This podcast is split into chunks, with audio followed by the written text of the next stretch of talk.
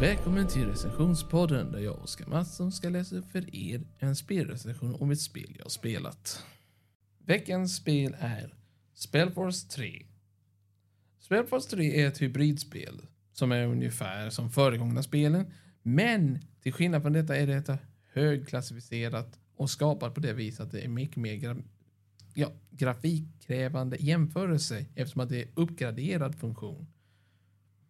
Detta spelet är alltså mer eller mindre byggt för att vara ett RTS och RPG-hybrid. Dessa två olika spelstilar betyder ju Riktigt time, real time strategy game, en riktig tidsstrategi. Och RPG betyder rollspel i förkortning. Detta står, spelet fortsätter, eller snarare förklarar hur allt började med Spelforce 1 och 2, men samtidigt en egen värld. Tänk dig en splittring av tiden paradox.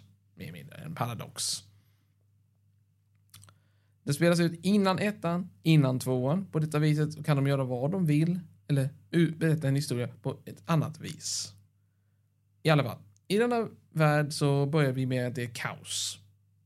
Magi härjar fritt, det vill säga magiker gör katastrofala händelser, dödar folk och använder deras kroppar för att tillverka monster, bla bla bla bla. Ni förstår vad jag menar, det är fruktansvärt kaos. Men eh, någonting håller på att ändras och det är du som är ändringen. Eller orsaken till detta. Jag ska inte förklara för mycket om vem du är eller var du, var du kommer ifrån, vem du spelar som. Du, du bestämmer den delen. På detta viset så har du ju tillgång till att kunna ändra eller göra en ny berättelse med denna funktion. Du kan vara en trollkarl, du kan vara en krigare, du kan vara en långdistans archer, du kan vara närstrids stridssoldat. Det är du som bestämmer. Du kan vara till och med en hybrid mellan alltihopa. Men eh, spelet är väldigt mer krävande jämfört med tvåan eftersom att de uppgraderar systemet, det är ny grafik. Eh, personligen tycker jag att det är otroligt vackert att se en stad på lång distans i spelet. Inte liksom en bakgrundsbild, utan du kan gå nästan överallt i stan. Ja, någorlunda. Det finns ju vissa limitationer med spel som är RTS och RPG-spel.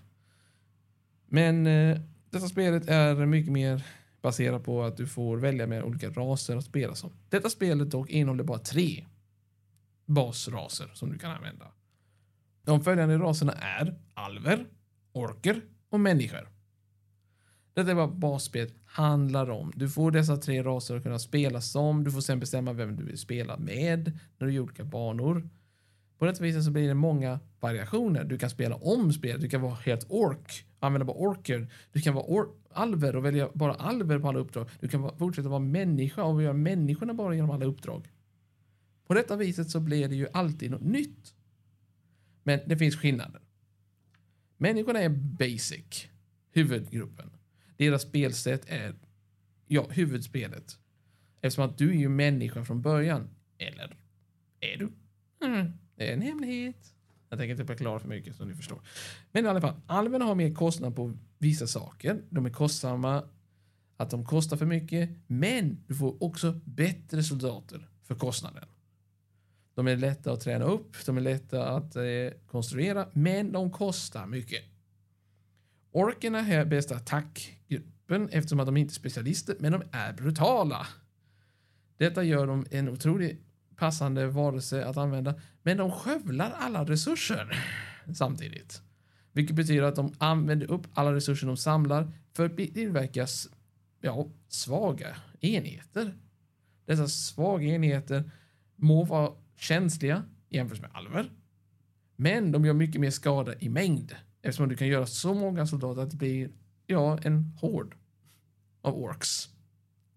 Det kanske låter som en World of Warcraft-referens, men det är inte det, för det är egen värld. Människorna i sin tur är lite mer balanserad. De är lite mitt emellan.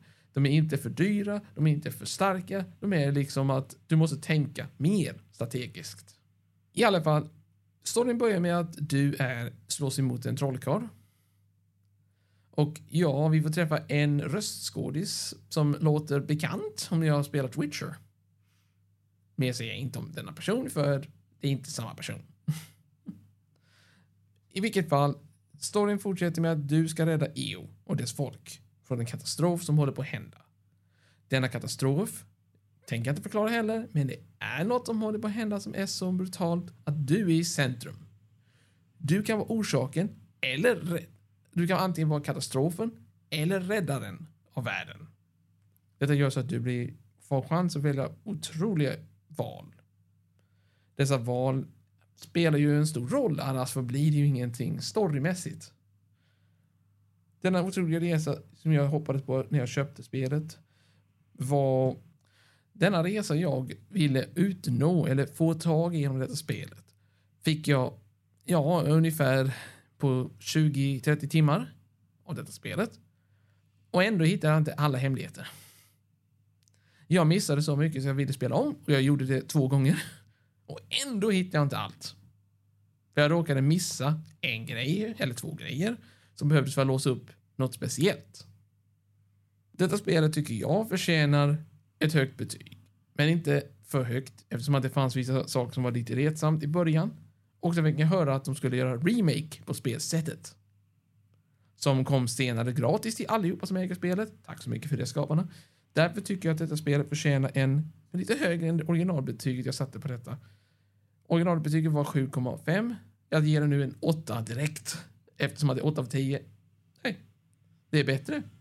Men eh, som ni förstår, vissa saker är inte så bra i detta spelet. Men alla andra grejer, spot on. Spot on. Det känns som Spellforce. Det är ett bra hybridspel. Rekommendation, spela det. När det, och köp det definitivt när det är på rea, eventuellt. Det, det bestämmer ni. Men personligen tyckte jag att det är värt det. Jag hoppas att ni njöt av denna recension och att ni framtida kommer lyssna på framtida recensioner. Tack för mig. Hej då.